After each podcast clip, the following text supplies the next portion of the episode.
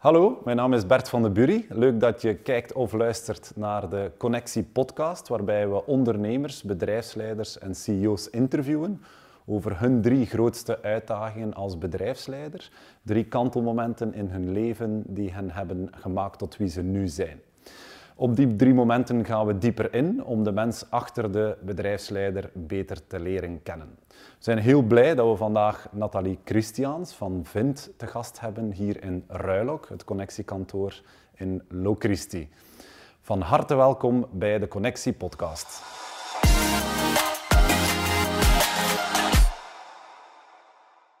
Dag Nathalie. Goedemiddag. Van, van harte welkom in de Connectie Podcast. Hoe gaat het? Uh, maar mij gaat het goed. Um, laten we zeggen, een klein beetje spannend, want een podcast is niet voor mij de dagdagelijkse activiteit. Maar ik vind het wel leuk dat ik het kan, uh, ja. dat ik er kan aan deelnemen. Oké, dat komt wel goed. Bedankt alvast ja. om, uh, om ja. in te gaan op onze uitnodiging. Voor de mensen die jou niet kennen, Nathalie, wie is Nathalie Christiaans? Ja, um, ik ben een ondernemer vanuit West-Vlaanderen. Um, als ik dan over mijzelf vertel... Ik ben een sportieve dame. Ik um, ben een plusmama. Um, en ik um, ga enorm veel energie in uh, familie, maar dan ook in reizen steken. Dus ja. ja, dat is eigenlijk een beetje Nathalie achter de schermen buiten het bedrijf. Okay. Familie en reizen. Familie en, en reizen. En sport. En sport zijn een aantal passies van jou. En als je kijkt naar u, uzelf qua karakter, hoe zou je uzelf omschrijven? Uh, een karakter. Ik uh, ben een doorzetter. Ik uh, ben een getrainde optimist. Um, wat ik vroeger een zeer sterke realist was, ben okay. ik eigenlijk... Um, allee, ja, wat dat onder, de valkuil was dat ik te realistisch was en te dingen te veel in beschouwing ging nemen. Maar ik heb nu geëvolueerd naar een optimisme. Dat was een bewuste keuze. Ja. En ben dat eigenlijk op dag van vandaag kan ik zeggen dat ik een optimist ben. Oké, okay. en, en hoe is dat gekanteld dan? Of wat heeft dat... oh, van een heel traject, maar dat komt nog aan bod ja. in mijn kantelmomenten. Uh, Oké, okay. ja. interessant. Dan gaan we daar straks uh, verder op ingaan. Um, nog dingen die je jezelf zou toekennen?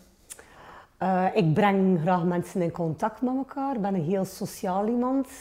Um, maar daarnaast kan ik ook echt genieten van momenten alleen. Om de reflectiemomenten te krijgen, dat ga ik dan ook wel doen. Um, ja. Maar eigenlijk ben ik toch wel graag onder de mensen. Onder de dat typeert mij wel heel sterk. Ja, heel sociaal. Ja. ja, heel sociaal. Ik krijg enorm veel energie van mensen. Um, maar kan er ook veel geven. Ah, oké, okay, fantastisch. en je bent bijna 25 jaar geleden gestart met Vint. Ja, het uh, klinkt hè. Dat ja. is al een mooi, ja, mooi traject. Ja. Um, wat was de drijfveer om te starten en hoe is dat begonnen? Ha, de drijfveer, ik wist al heel vroeg van ik wil ooit mijn eigen bedrijf. Ik ben gestart in de financiële sector en dan kwam ik vaak in contact met, met uh, ondernemers van KMO-bedrijven en ik dacht, oh, dat moet wel wat tof zijn ja, kunnen een ploeg achter een verhaal plaatsen en dat kunnen ja, van, nul starten of iets bestands kunnen uh, uitplooien, maar dat je echt mensen kunt warm krijgen voor een verhaal. Dus eigenlijk mijn ervaring in de bank um, was al inspirerend om te weten van ik wil wel ooit een bedrijf, maar ik wist niet wat. En eigenlijk uh, is dan een toeval die op mijn pad gekomen is en ben ik dan eigenlijk uh, ervoor gegaan. Um, het was een uitzendbedrijf die al reeds bestond, een half jaar, maar ze zocht niemand om uh, het verder uit te bouwen. En dan heb ik gezegd van, ik wil dat wel overwegen, maar dan wil ik een keer echt ook wel helemaal betrokken zijn en wil, wil ik aandeelhouder worden. Dus, um, dus eigenlijk het verhaal is, ik wou ondernemer worden, maar ik wist nog niet aan wat. Dus um, soms begint het van een droom, maar van mij was de droom van ik wil um, ja, een ploeg samen krijgen die voor eenzelfde doel kan gaan. Ja, maar het was ja. niet bewust van, ah, ik wil in de recrutering. Nee, nee, nee, want ik had totaal geen ervaring met recrutering. Ja. Ik had een ervaring in de banksector en ook een machineonderdelen. Dus okay. eigenlijk totaal, totaal niet, maar alle twee wel sales gedreven.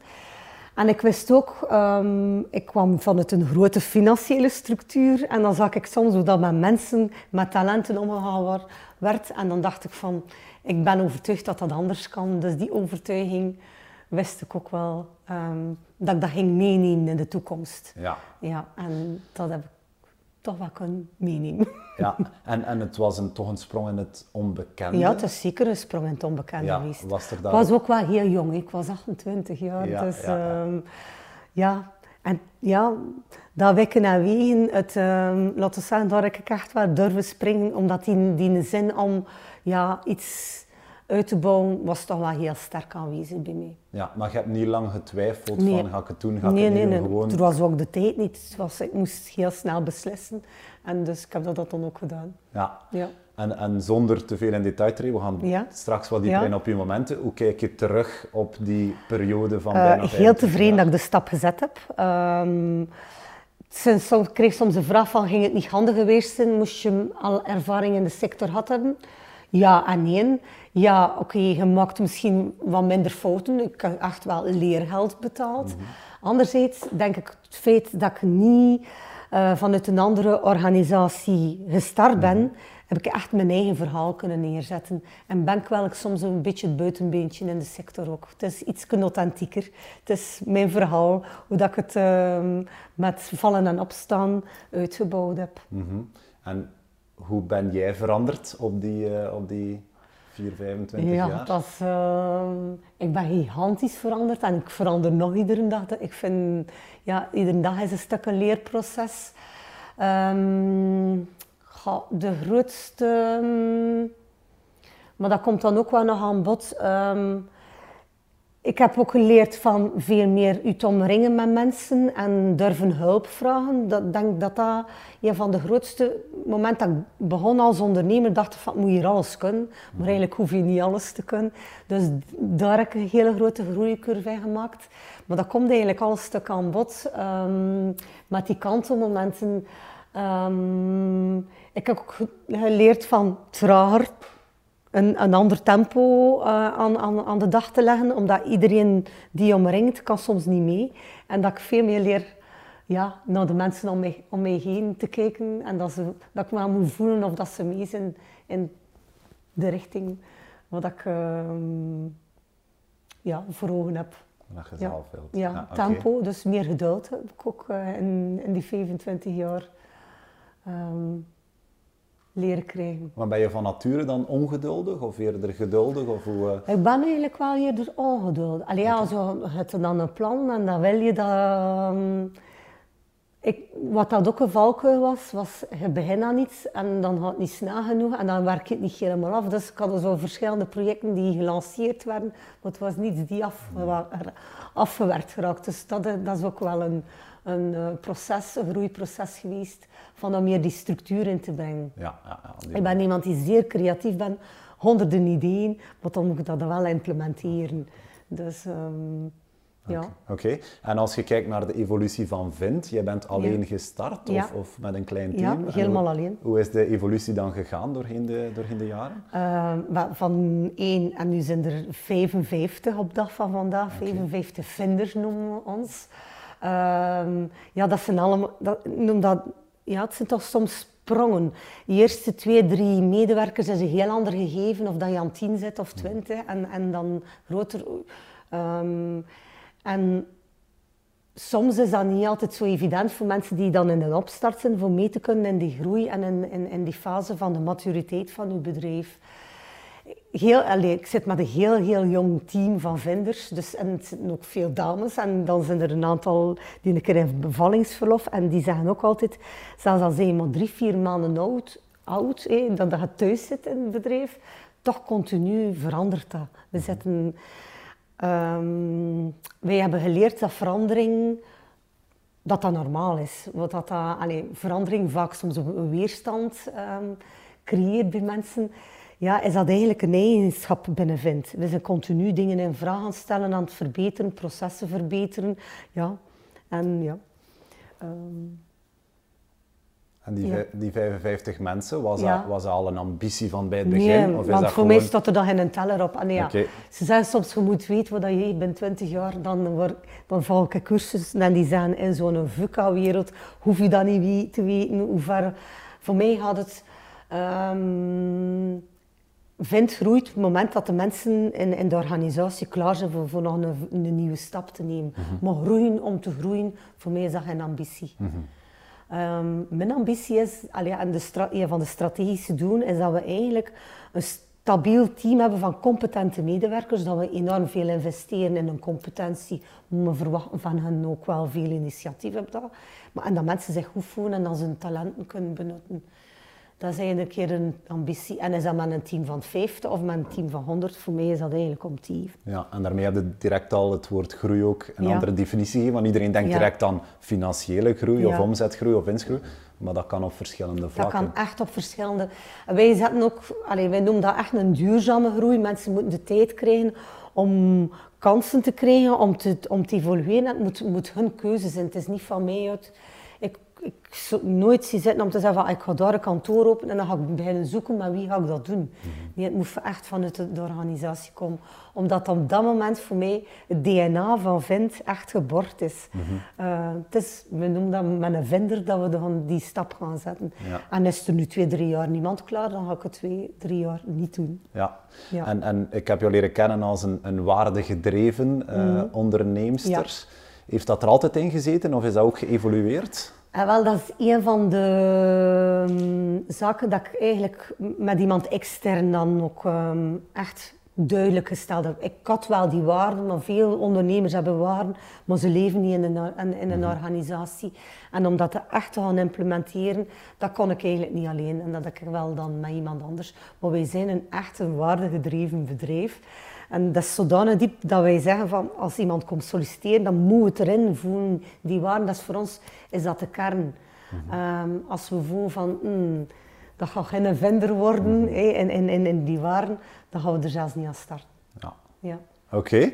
Ehm, ik heb jou gevraagd om op voorhand drie uh, momenten te selecteren uit jouw leven. Um, hoe moeilijk was dat? Uh, maar toch wel een beetje om, voor de keuzes, want eigenlijk er zijn er zoveel ja, belangrijke momenten. Um, ik ging eerst zelfs de start van het ondernemerschap ja. uh, nemen, maar dan dacht ik van ja, oké, okay, dat gaat misschien op een andere manier aan bod komen. Ja. En dan heb ik eigenlijk drie momenten tijdens het traject dan um, gekozen. Oké, wat is uw eerste moment? Mijn eerste moment is um, de inschakeling, ik noem dat van een, het is geen rechterhand, eigenlijk eerder een spiegel, een klankbord. Okay. Um, ik had dat al gezegd, van, ik, heb misschien een beetje te lang uitgesteld van mij te omringen met mensen die kritisch genoeg meedenken en, en die ook mij als persoon kritisch genoeg gaan bekijken. Mhm. En dat is voor mij is dat een heel groot kantelmoment geweest. Um, ik heb, uh, het is een dame, de dame in kwestie heb ik ontmoet op de schoolbanken in Vlerik.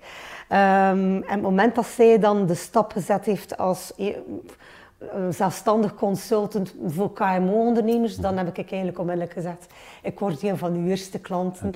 En ondertussen is dat al ruim acht jaar, dat zit dan toch wel toch nog op een basis van twee, drie keer per maand um, schakel ik haar nog in om um, ofwel mezelf ofwel vind um, onder de loep te nemen. Ja, maar waar, waarover heb je het dan? Kan je een aantal ja, voorbeelden Eerst heeft, hoe, hoe, is dat te werken? Allee, ik had al consultants, dus het is niet dat ik mij niet...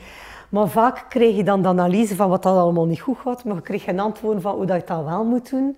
En bij haar was dat net een ander verhaal. Zij is met iedereen binnen de organisatie gaan spreken. Mm en dan kreeg ik een, uh, een, document en zij noemde dat de hefbomen. Dus ze kregen al, kreeg al oplossingen in feite. Van mhm. waar kun je nu als organisatie je focus gaan leggen, je prioriteiten. Hè? Want dat was mijn valkuil.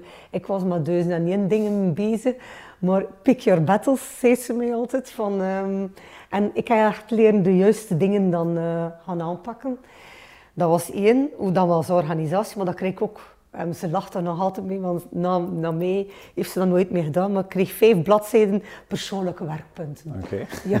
Vijf bladzijden. Ja, oké. Ik zou nog altijd dat ik nu aan bladzijde drie zit. Dus dan weet ik dat ik nog uh, vier van. Ja. Maar dat is voor mij een van de belangrijke dingen. Allee, ondernemers verwachten soms dat mensen veranderen, dat er verandering komt in de organisatie. Maar ik vind als ondernemer dat je eigenlijk juist moet beginnen met voorbeeld te geven. Ja. En ik heb eigenlijk echt wel eerst zelf mij goed onder handen genomen en structuur gebracht. Uh, ja, mijn, mijn, vergaderingen op een andere manier consequent ingepland. Uh, ja, ik heb echt aan mezelf eerst gewerkt, vooral ja. dat we de veranderingen in de organisatie implementeren. Dus haar, haar uh, analyse vond ik eigenlijk echt wel goed. En ik hoop dat ze dat nog doet naar ondernemers. En dat ondernemers er ook open voor staan. Ja, want daar begint het mee. Daar begint het echt Als je zegt van, ik weet het allemaal bij manier van spreken. Ja, nee, dan, dan, moet, dan moet je zelfs niemand betalen voor, uh, voor die oefening te gaan doen. Wat zijn de eerste dingen dan, dan naar de organisatie? Dat was eigenlijk die missie, die visie en die waren echt gaan scherp stellen. Maar op een heel eenvoudige manier. Ja, een keer gaan nadenken. We hebben ook wel de oefening gedaan, soms met uh, mensen, wat, wat, wat, strategische denkoefeningen. En van daaruit hebben wij eigenlijk een heel, heel duidelijk verhaal kunnen schrijven. Want dat nu, als je nou in mijn hoofd zit, kan ik nu op in een klein blaadje, staat er nu allemaal op. En mm -hmm. dat is voor mij ook wel een boodschap. Oh, het soms eenvoudige kuchje 10, 15 dingen zijn wat, dat, wat dat je wil opwerken. Maar eigenlijk beperkt het naar een vijftal essentiële waarden en dat is al meer of voldoende. Mm -hmm. Want anders kun je dat niet behappen en kun je het ook niet... Een waarde moet iedere dag uitgesproken worden ja. en voelbaar zijn. En ik had er ook 10, 15, maar je moet keuzes maken. En dan kies je het beste, deze, wat je ja, meest vooruit mee geraakt. Mm -hmm. Want ik kan me voorstellen dat je dat ervoor ook al had, maar dat misschien iets minder uh, geïntegreerd was, mm. of was het er totaal nog niet?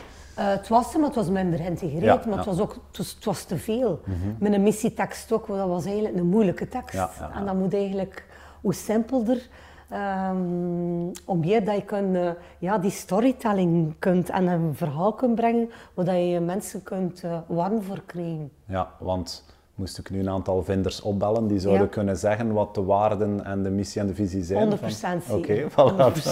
okay. maar dat hoor ik niet veel, omdat ja, je, ja, je ziet vaak uh, veel bedrijfsleiders die dat vanuit een goede intentie opmaken, maar waar je dan merkt dat het eigenlijk binnen het bedrijf of niet leeft of niet voldoende verankerd nu, zit. Wat ik daar wel mee wil geven, dat heeft ook zijn tijd nodig. Dus wij, wij, hebben eigenlijk, ik denk, het is een proces van vijf jaar geweest. Okay. Uh, nu, die waarden integreren misschien iets minder, ook die missie iets minder, maar toch, um, we hebben bijvoorbeeld, uh, we doen al ieder jaar een jaarthema, wat we zeggen, kijk, dit jaar gaan we echt rond dat, we hebben eigenlijk, wij hebben bevindt vijf waarden, dus we hebben gezorgd dat ieder waarde een jaar aan bod gekomen is. Okay. Dus dat is al vijf jaar. Mm -hmm. um, nu, dat is voor de mensen die dan het volledig traject meegemaakt hebben. Mensen die nieuw komen, wordt eigenlijk al bij de sollicitatie, wordt dat eigenlijk al zo sterk benadrukt. Iedereen die start krijgt ook een vorm van welkom bij Vint, dat ik zelf nog persoonlijk doe. Mm -hmm. En die waarden komen daar eigenlijk heel sterk uh, naar voren, hoe, hoe, belangrijk dat ook is. Ja. Dus, en dat een, al wat je aandacht geeft, groeit. Dat ja. is een uitspraak van Maas, dus die ja. mij begeleidt. En uh, ja, dat heb ik eigenlijk ook wel geleerd. Ja. We geven er enorm veel aandacht aan. Want vaak is het ook niet genoeg om enkel de waarde te formuleren. Het gaat ook over gedrag gaan koppelen. Ja, ja, ja. Dat mensen weten wat betekent dat. Zijn. Een van onze waarden is vertrouwen, maar wat, wat betekent dat dan op de werkvloer bijvoorbeeld? Dus ik denk dat dat ook belangrijk is om dan... Uh... Maar het is het moment dat je gedrag ziet die positief is en je van die waarden benoemde, ah, dat is nu echt een voorbeeld van uh, neem het heft in eigen handen. Mm -hmm. bijvoorbeeld de N van Vint staat over de, voor dat zelfleiderschap. Dus uh, neem het heft in eigen. Dan gaan we dat echt gaan benoemen. Hoeveel, eigenlijk zorgen we dat we dat één keer per dag toch één of twee waarden benoemd hebben of, of zien. Um, en dat we er aandacht aan geven, want we hebben dat gezien bij u, ja. die waarden. Ja. Maar eigenlijk, conclusie is van het hebben van een klankbord heeft voor jou wel veel veranderd. Iemand ja. waar je kunt op terugvallen, waar ja. je dingen mee kunt afdoen. Iedereen heeft zijn blinde vlekken. Iemand mm -hmm. die durft die blinde vlek ook te gaan benoemen. Want um, ja, ik, ik, noem dat het grootste geschenk, dat zo'n feedback kunnen krijgen. Als nooit iemand u noemt, dan kun je er ook niet aan werken, want je ziet het niet. Um, dus ik heb enorm veel inzichten gekregen van ja, gedrag dat ik me niet van bewust was of dingen dat ik niet bewust deed. Ja. Um, of dat dan een valkuil is. Um, en nog af en toe kreeg ik zo van, hm, Nathalie, nu ga je te snel, ze zijn niet mee. Je gaat moeten, uh, en dat is wel goed, alleen dat die vinger aan de pols blijft gehouden, want iedereen heeft een soort coach nodig. Ja. Dus um, mm -hmm. voor mij vind ik dat eigenlijk echt wel een nuttige oefening om dat te blijven en investeren. Ja, en heb je nog andere klankborden, bijvoorbeeld bij collega-ondernemers of, of mensen dat je zegt die zitten een beetje in een gelijkaardige situatie? Ja, eigenlijk allee, ja, um, via verschillende organisaties kom je met ondernemers in contact en dat is niet, en zelfs met, wat ik uh, als leren kennen heb op de Vlerik, de schoolbanken, is dat een groep van een twintigtal ondernemers die wij, wat wij elkaar nu nog vier, vijf keer op een jaar zien, maar meestal twee dagen. Dan kun je daar eigenlijk... Maar dat zijn niet de mensen die je dag, dagelijks bezig zijn. En dan kun je wel een keer gaan aftoetsen van ik zit met die uitdaging. Maar ik vind het echt zo nuttig van iemand die je bezig ziet, die je ziet van hoe dat je vergadering leidt, of die, die, dat je daar ook die feedback over krijgt. Ja, iemand die heel dicht bij u Ja, staat en, en, en weet hoe je bent. ja, hoe je... en die ook je team heel goed kent. ja. Ja. Ik vind dat een ongelooflijke luxe.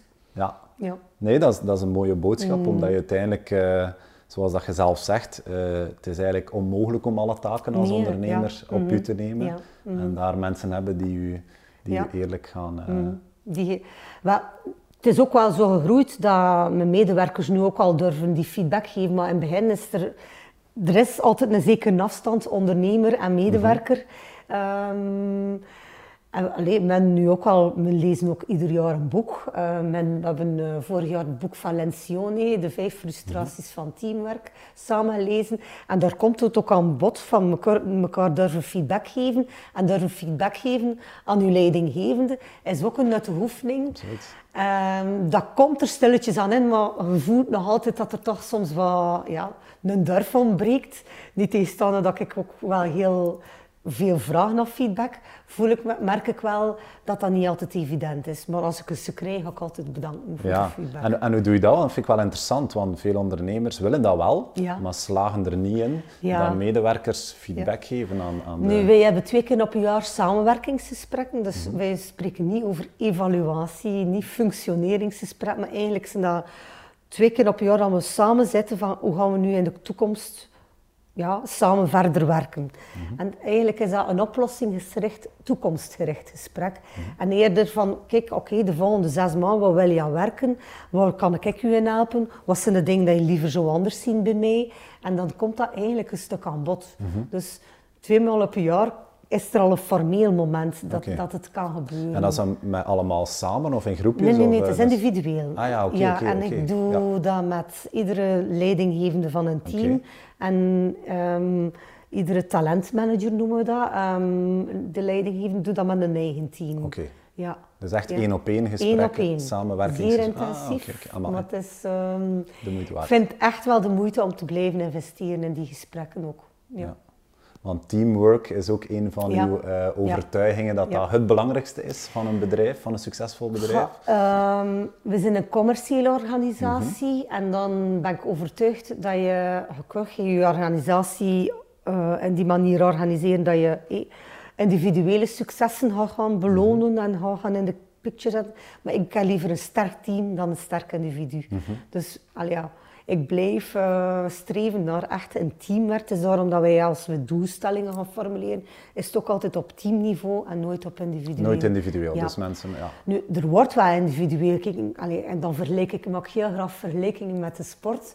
Ehm staan je in een voetbalploeg, dan ga je ook kijken naar teamresultaat, maar ga je ook naar iedere individuele Ja. speler gaan kijken hoe heeft hij gesp- gepresteerd in een match. Dus dat is voor ons ook altijd die evenwichtsoefening. Hoe vaak kijk je individueel? Allee, we kijken, we monitoren continu dat teamresultaat, maar af en toe gaan we ook wel een keer gaan kijken naar, naar het individu. Want als die iets kan verbeteren, dat het team ten goede komt, dat zou dan jammer zijn dat we dat, eh, want een team is maar zo sterk als de zwakste speler, bij manier van spreken. Dus moeten we daar ook wel aandacht aan geven. Maar ik, allee, en dat is dan in de, in de sport ook, iemand die begint solo te spelen in een, in een ploegsport, dat gaat niet. En dat, dat, dat, ehm, daar gaan we heel snel op reageren. Ja, want Ja. een van jouw quotes is ook ondernemen is topsport. Eh, Ja. Hoe is dat voor jou persoonlijk? Hoe, Ja. hoe zwaar is het ondernemen voor jou? Ehm, voor mij, allee, rond topsport, dat is, ja, blijft allee, een van de eigenschappen van een topsporter, die hoge niveau, is ehm, ja, het blijven doorzetten, je niet laten ontmoedigen bij een ontgoocheling, je coachbaar gaan opstaan, want je kunt je de beste coach naast je plaatsen, maar als je er niks mee doet, dan, dan ga je ook dat topniveau niet behouden of behalen. En dan is, als je een niveau behoudt, weet dat dat geen evidentie is. Je moet altijd blijven scherp staan. En dan moet je zorgen voor je fysieke en je mentale eh, alertheid. En, en zorgen dat je ook in je lichaam en in je geest ook blijft investeren. Dus die mentale fitheid ehm, gaan we ook heel sterk op, op inzetten. Voor mij als ondernemer, maar iedere vinder wordt er ook wel... allee, gaan we er ook... Want voor dacht ik zei vorig jaar hebben we het uh, Lencioni, het is al twee jaar terug. Vorig jaar hebben we dan de bedrijfsatleet, de bedrijfsatleet. als, als, als, boekgenomen. Ja. Omdat iedereen bewust is, je hebt een aantal batterijen en je moet eigenlijk zorgen dat al die batterijen um, goed, goed opgeladen worden. Ja, ja. Oké, okay, goed. Uh, wat is jouw tweede moment? Mijn tweede moment, uh, nu moet ik even denken, ik was dus eerst had ik Els genomen, dan uh, mijn laatste moment was ISF. En ja, het tweede moment um, is dat, en dat is eigenlijk een traject dat ik ook wel laat, laten begeleiden door Els, dat is um, met mijn managersteam het boek van Covey gaan uh, samenlezen. Het boek van Covey van de zeven eigenschappen mm -hmm. van de titel vind ik een beetje moeilijk vertaald. Leiderschap, maar het gaat eigenlijk veelal over zelfleiderschap. Mm -hmm. um, en een van de quotes die, die er ook in staat van oké, wat dat er gebeurt in je leven, dat kies je niet altijd zelf voor, maar kies wel altijd hoe dat je ermee omgaat. Mm -hmm. En die bewustwording dat je altijd de vrijheid hebt om allez, te kiezen hoe dat je met een bepaalde moeilijkheid of uitdaging of iets dat gebeurt, je overkomt, dat je daar zelf een keuze kunt maken vond ik een, um, een ongelooflijke inzicht. Je weet het eigenlijk wel, maar eigenlijk ga je toch af en toe een keer in een slachtofferrol gaan, gaan, plaatsen, maar eigenlijk ja, hoeft dat voor niks. Mm -hmm. um, en dat is iets dat we eigenlijk bij Vint dan ook heel sterk implementeren. Ik zelf ook. Um, ik voel me nooit geen slachtoffer meer, maar ik kan altijd kiezen. En de medewerkers zelf, oké, okay, dat gaat ook over time management. De tijd vliegt, maar kies zelf wat je met je tijd doet. Dus die paraplu is er niet meer. Mm -hmm. Van, ik heb geen tijd meer, want nee, maar je hebt er zelf voor gekozen wat je met je tijd doet. Maar eigenlijk altijd, heb je hebt altijd zelf de keuze? Je hebt altijd zelf de keuze. Nu, ja. wij laten ondertussen ook wel, en dat is een van, wij laten mensen zeer veel autonomie. Op het moment dat ze allee, de job wat beheersen, ja, kunnen ze ook die keuzes maken. Um, een van de zaken dat, dat Els mij ook bijgebracht is, dat is dus los van het COVID-traject. Um, vroeger was ik toch wel een beetje de ondernemer, en zeker in het begin, je wil daar eens een doel bereiken die snel ging zeggen, nu zou je toch beter dat doen of je moet nu dat doen. Maar eigenlijk is sterker dat je mensen inzicht geeft in de cijfers en transparant bent en dat zij zelf denkwerk doen van hoe kunnen we dat doel gaan mhm. bereiken. Mhm. Dus eigenlijk heb ik ook die metamorfose ondergaan van oké, van niet meer gaan zeggen van hoe dan ze de weg moeten bewandelen, maar gewoon het doel te gaan formuleren, het kader gaan formuleren. En binnen die gegevens moeten ze het zelf gaan, zelf gaan realiseren. Mhm. Dus ja, dat zelfleiderschap is dan ook wel echt wel nodig. En vandaar dat we eigenlijk met dat boek um, dat proces in gang eh, gezet hebben. Eerst bij de, rest, de leidinggevende en dan heeft iedereen binnen Vind, en nu nog, ieder vinder leest dat boek en doen wij eigenlijk een viertal workshops. Um, goed, ja, binnen het eerste jaar dan zijn dienst komen, trachten we mhm. dat te organiseren. Oké, en, en leiderschap is natuurlijk een heel ruim begrip. Als je dan mhm. kijkt naar uw rol als bedrijfsleider, wat, wat, is voor u de definitie van leiderschap?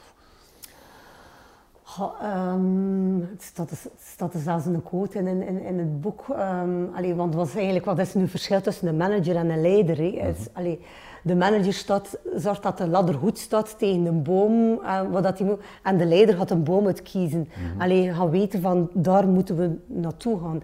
Eigenlijk een leider, voor mij, gaat daar eens de richting aan geven. Maar ga niet kijken van hoe dat hij Allee, hoe dat het, je moet het stuk gaan opvolgen en het moet binnen een bepaald kader, maar die, een leider zorgt dat die autonomie er ook is. Um, dat mensen die ruimte krijgen om ook wel ondernemer te worden.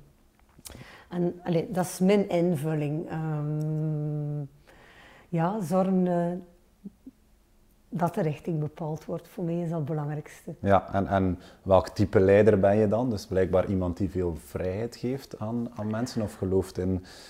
Um, maar ik geloof...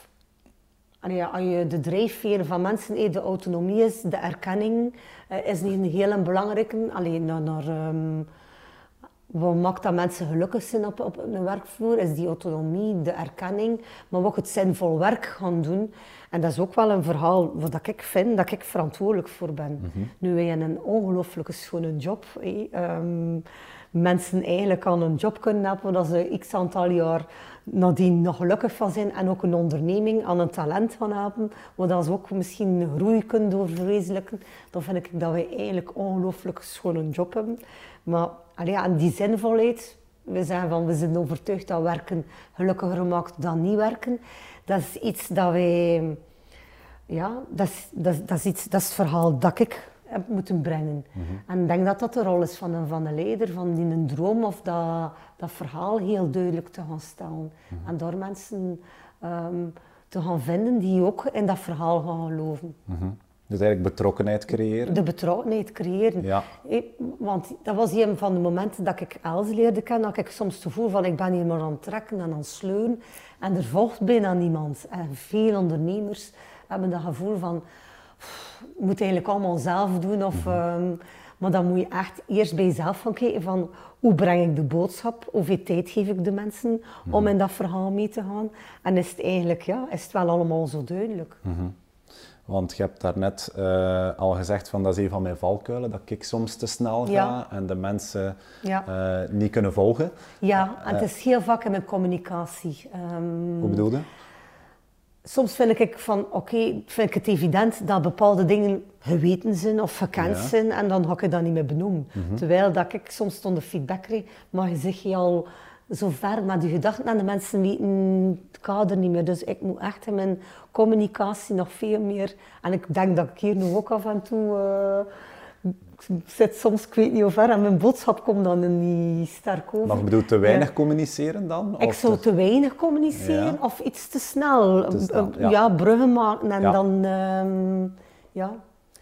En eigenlijk moet ik de tijd nemen dat de boodschap helder en, en duidelijk gebracht wordt. En dat dat even kan bezinken? Ja, ja, ja. En de mensen ook de tijd geven om dat te laten bezinken. Ja, ja, ja. En ook de tijd aan geven om te reageren, want soms ja, krijg je reacties. Ik ben al verder, terwijl dan ze nog in het denkproces zitten. Ja. Dan, dan merk ik dat dat nog altijd... ehm, ja. een valkuil is. En toen nog eens ook zeggen, geef nu even tijd. Ah, nee, maar dat kan, nu bij, dat kan bij ons. Ja, ja, Eh, natuurlijk. ja. Want uiteindelijk, je zegt van, ja, dat leiderschapstraject van COVID, dat is, Ja. dat is mooi geïntegreerd nu in jullie organisatie. Ehm, wat betekent dat voor de mensen concreet op de wer- werkvloer? Ehm, maar ik weet niet, misschien maar kort, ehm, die eigenschap. Eerst had het over u als individu, dat je echt wel moet stilstaan van wat wil ik naartoe. hè. Begin met het einde voor ogen. Eerst had het over eh, allee, hoe, hoe dat je zelf organiseert en dan is het in de relatie met anderen dat je eigenlijk bekijkt. En dan een laatste eigenschap is van hoe kan ik nu zorgen dat dat eigenlijk eh, duurzaam is. Eh, mijn, ehm, ik hou de zaag scherp. En dat is dan ook eigenlijk een beetje rond dat mentaal fitte. Dat je ehm, zorgt dat je voldoende tijd neemt naast je job, naast je andere activiteiten, om, om voor jezelf tijd te maken. En hoe is dat geïntegreerd? Ehm, ja, dat ehm, die doelstelling wat ze willen bereiken, dat is iets dat vaak mag genoemd worden en die kan genoemd worden. Dan ook hoe dat zij staan in relatie met anderen. Want eigenlijk, een van de eigenschappen is eerst luisteren om begrepen te worden. Dat echt oprecht leren luisteren, dat is iets waar dat we eigenlijk heel veel aandacht aan geven. En dat is ook een wat ik heel sterk heb moeten in groeien. Dus niet luisteren om zelf een antwoord te gaan geven, maar luisteren om de ander echt te gaan begrijpen. Ehm, ja, en dan kun je echt over synergieën gaan, gaan, werken, want dan zie je de meerwaarde van de verschillen in de teams. Dat wordt eigenlijk ook wel heel vaak benoemd. Dat, dat dat een meerwaarde kan zijn, dat je niet je gelijke moet zoeken, maar dat je juist beter afzit met iemand die echt verschillend is. Alleen dat je echt ehm, mooie synergieën kunt creëren. En dan de hou, hou de zaag scherp. Wij doen enorm veel binnen Vint voor de mentale fitheid. Oké. Ehm, En we doe- stimuleren dat. En hoe doe je dat dan, bijvoorbeeld? Goh, met een, we hebben een mentaal fit coachteam. Eh dat zijn van over de verschillende kantoren geen mensen die zeggen, oh, ik wil er echt wel mijn steentje binnendragen van zorgen dat, dat ze wat getriggerd worden, dat er activiteiten zijn. We doen ook een gezinswandeling. ehm, of ze doen dan eh, een, tip van de maand. ehm, of ze doen een keer iets rond eten, weer gezonde voeding. Ja, het, er gebeurt veel.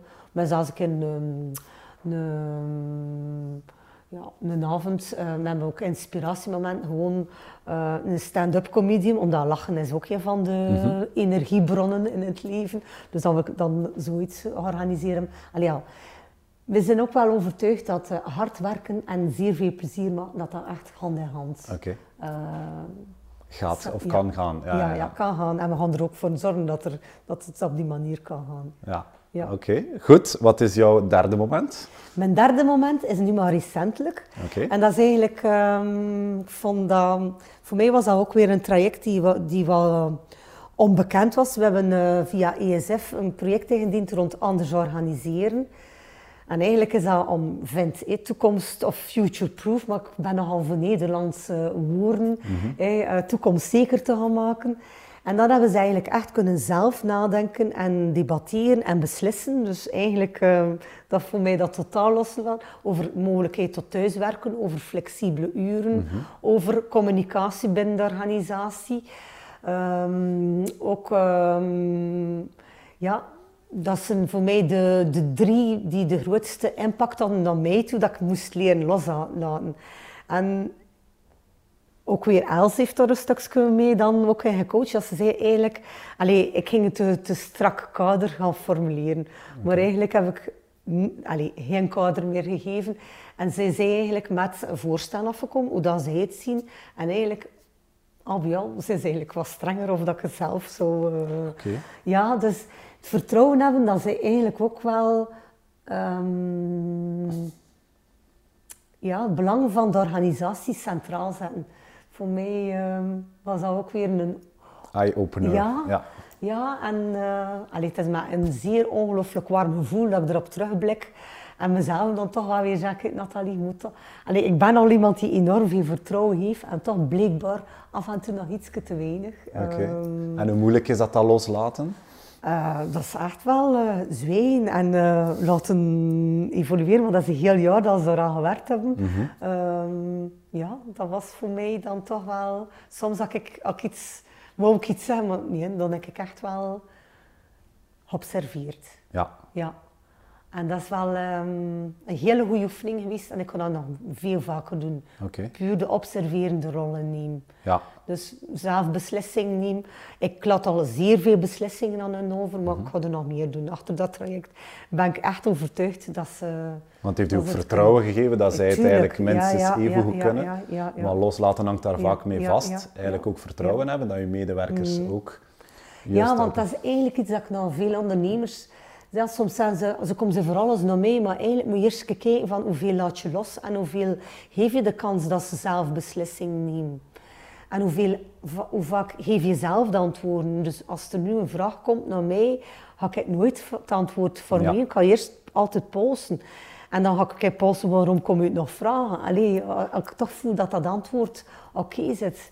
Ja. En dan ga je ook veel meer ja, met, met de strategie kunnen bezig dan, dan met die dagdagelijks operationele dingen. Daar heb Ja. ik eigenlijk nog zeer zelden nog contact mee. Maar natuurlijk, inderdaad, als je delegeert en Mm. mensen komen nog een antwoord aan u vragen, dat is niet volledig delegeren. Hè? Nee, want dat is niet, nee, dat is niet echt eh, Dan blijf je- optimaal delegeren. de beslissing is dan niet gedelegeerd, dus dan blijf je ja, ja, eigenlijk wel aan zet. En ik denk dat daar een groot... Ja, en de- het is, het is niet omdat je loslaat dat je niet kan een keer opvolgen en dat regelmatig bevragen, maar eigenlijk moet het kunnen loslaten. Ja. Dan ga je een veel comfortabeler leven hebben als ondernemer, Ja. ben ik overtuigd. En hoe, hoe misbaar ben jij op dit moment voor de organisatie? En wel, vorig jaar heb ik dat eigenlijk getest, want ik ben eh, twee keer op een korte termijn, het was eigenlijk door omstandigheden een reis die verplaatst was, geweest is van datum.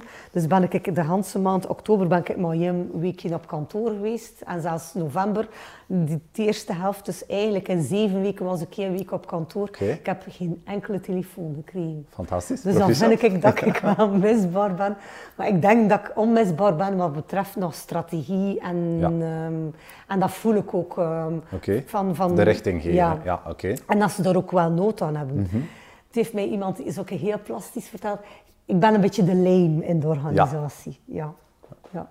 Dat is zeer belangrijk. Ja. ja maar, Dus dat is opera- mijn rol. maar operationeel kan je wel eruit Operationeel kan ik er echt uitstappen. Want is dat dan belangrijk dat dat een, ehm, een doel op zich is voor een bedrijf? Want uiteindelijk kan je altijd ik vind operationeel betrappen. riskmanagement al zeker een belangrijke. Ja, Allee, van het moment dat je eigenlijk daar nog niet in slaagt, is dat niet oké. Mhm. Want iedereen kan iets voor hem. En eigenlijk moet dat zorgen dat je bedrijf, ik kan niet zeggen dat dat eh, onbeperkt, dat is er misschien, moest ik er nu op een of andere manier uit van, zal er wel ofwel één iemand ofwel een team die rol moeten innemen. Mhm. Maar ik vind het een, een, een must van een ondernemer die echt bekommerd is met, met onderneming, van je misbaar te maken. Van je misbaar te maken. Uh, van je misbaar te maken, ja, excuseer, ja, van je misbaar te maken. Ja, en dat is inderdaad ook ja, voor een groot stuk loslaten, omdat je daar terug mm. dat vertrouwen geeft en dat je mm. zegt van... Want als je nu kijkt naar je belangrijkste rol, uw, waar dat je elke dag mee bezig bent, wat is jouw belangrijkste taak op dit moment? Uh, dus, is nog een stuk aan het groeien, dus dat mm -hmm. zijn... Uh, iedere, vinder, ieder kandidaat die nog solliciteert, die komt nog voorbij. Dus daar ben ik mhm. nog wel zeer operationeel in. Maar ik beslis niet. Ik geef advies. Okay. Dus aan? de personen waarin dat de kandidaat zou moeten starten in een team. Okay. Maar zij beslissen over ja dan niet aanwerven. Ik geef alleen een advies. Wat gebeurt dan wel? Als mensen opstarten, dan ga ik welkom bij vind. En een aantal van de processen, dat is vier half dagen, geef ik die opleidingen nog wel zelf. En dat is gewoon omdat je die feedback krijgt, dat, dat mensen zeggen van, we krijgen dat nog zeer zelden van de ondernemer zelf. Mhm. En ik vind het zo'n belangrijk gegeven, want daar komt een stuk de missie, de visie, de historiek van de onderneming. En dat vind ik nog altijd mooi dat ik dat zelf kan, uh, kan brengen. Mhm. En dan ook wel heel, allee, ja, heel belangrijk hoe, hoe allee, wat dat betekent, klantgericht gaan werken binnen Vent. hoe, hoe dat we dat aanpakken, een stuk methodologie komt, komt er ook aan bod. Ja. En dat zou ik misschien wel kunnen geven aan iemand anders, maar toch, allee, dat is nu iets dat ik eigenlijk weinig... Allee, dat ik ga trachten toch zo lang mogelijk zelf te doen. Mhm. En dan ga ik nu nog, um, bezoek ik één keer per maand de, ieder team die eigenlijk zelf een actieplan. Eén keer per kwartaal uh, denken ze na in teamverband hoe dat ze hun doelstellingen gaan behalen. Mhm. En dan de maanden nadien um, kom ik gewoon langs om te kijken van, hebben ze het gedaan? Want bij ons is het nogal PDCA, je plant het, je doet het en dan moet je ook gaan checken of dat allemaal oké is. Uh, want we zeggen van, we gaan dat doen, dat niet doen, dat uh, is geen goed idee. Daar nee. brak je niet mee vooruit. Dus, maar eigenlijk bepalen zij zelf hoe dat ze de weg er naartoe, hoe dat ze een doel gaan bepalen. Ja. En dan ga ik gaan luisteren. En zo wel ik durven een kritisch klankbord, of gewoon zeggen van oké, ik geloof er echt wel in. Dat is wel mijn rol dan nog. Um, en waar haal je het meest energie uit? Als je s'avonds thuis komt? Oh, van die teams, uh, maar ook van nieuwe mensen, dat nieuw verhaal te kunnen vertellen. Eigenlijk hetgeen dat ik mag doen. Ja, hetgeen dat je nu doet is echt iets oh, wat je zegt ja, van... Uh, ja, dat is, uh, ja, ja, En dan heb ik ook nog um, het, ik noem dat het super organiseerd uh, service center, SOS-team. Dat is boekhouding, marketing, uh, finance. Ah ja, finance zit in de boekhouding. Ook een juridische afdeling. Die mensen zie ik één keer om de twee weken, maar heel kort. Okay. Uh, die een stand van zaken. Daar zit er eigenlijk, ja, ja, die rapporteren ook wel nog dagelijks. Allee, rechtstreeks aan mij, daar zit er niemand tussen. Oké. En, en wat drijft jou nog elke dag? Zijn dat die mensen dat je zegt van om te doen wat je doet? Ja, en eigenlijk uh, wat drijft mij ook nog, is die verandering. Maar we zitten ook allee, in, een, in, een, in een sector die zeer commercieel is. Er ook, gebeurt ook zeer veel uh, op technologisch vlak in, mhm. in, in onze. En dan dat drijft mij ook om, mhm. om dat, uh, een antwoord op te bieden. En dat verwachten ze ook wel van mij, ja. dat, dat, we daarbij stilstaan. Maar nu doen we de oefening samen. Het is niet meer ik alleen die doe. Dus alle inzichten, iedereen verzamelt ze zelf. Wat zie je van, dat er van nieuwe tools op de markt zijn of van... Dan, allee, ja, we zijn sterker als we met vijftig samen kijken of dat er één persoon alleen kijkt. Ja, ja, ja, En hoe kijk je naar de evolutie van de sector? Want het is natuurlijk een sector, is echt heel commercieel. Ook niet altijd de meest positieve nee, uh, nee, nee. Allee, ja. connotatie. En wel, dat is ook weer met de keuze hoe dan we kijken. Ik vind voilà. het super tof dat er eigenlijk niet positief gekeken wordt, want dan kunnen we heel makkelijk snel het verschil gaan tonen hoe, hoe, dat het wel kan. Um, dat is al één ding. Um, het is zeer commercieel en men ook die technologische uitdaging, maar daar blijf ik van overtuigd dat hoe digitaler dat onze maatschappij komt, hoe, hoe schaarser de menselijke contacten. Mm -hmm. En iets dat schaars is, is waardevol. Dus gaan we nog veel meer inzetten op die goede menselijke contacten. Mm -hmm. Het is zo, kandidaten en bedrijven kunnen elkaar digitaal vinden. Maar toch die begeleiding in dat proces, weten we dat wij eigenlijk toch wel uh, echt wel een toegevoegde waarde kunnen zijn.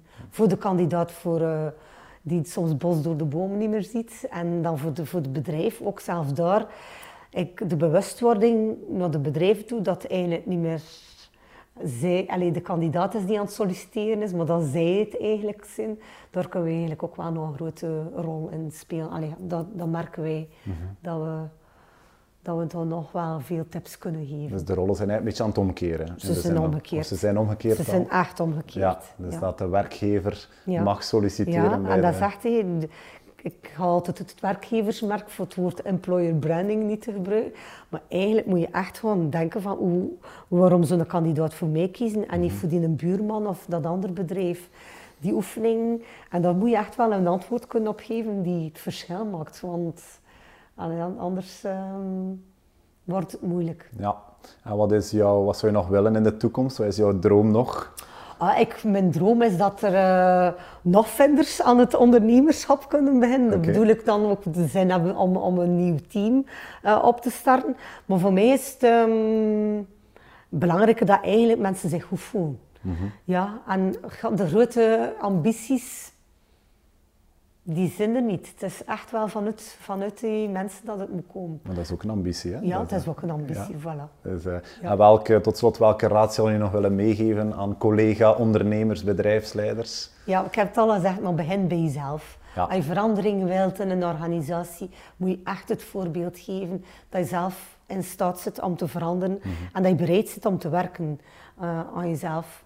Bij ons de uitdrukking, ja, maar ben ik zo, dat eh, nee, als je echt wil, kun je veranderen. En ik denk dat, je dat, eh, dat dat ook onze rol is.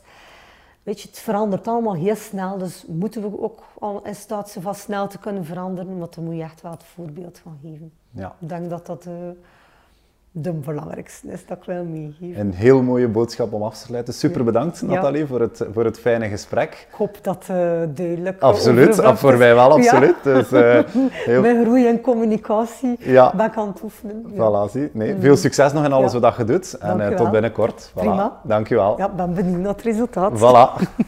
Hopelijk heb je genoten van deze podcast. Om geen enkele aflevering te missen, abonneer je nu via Spotify, iTunes of Castbox.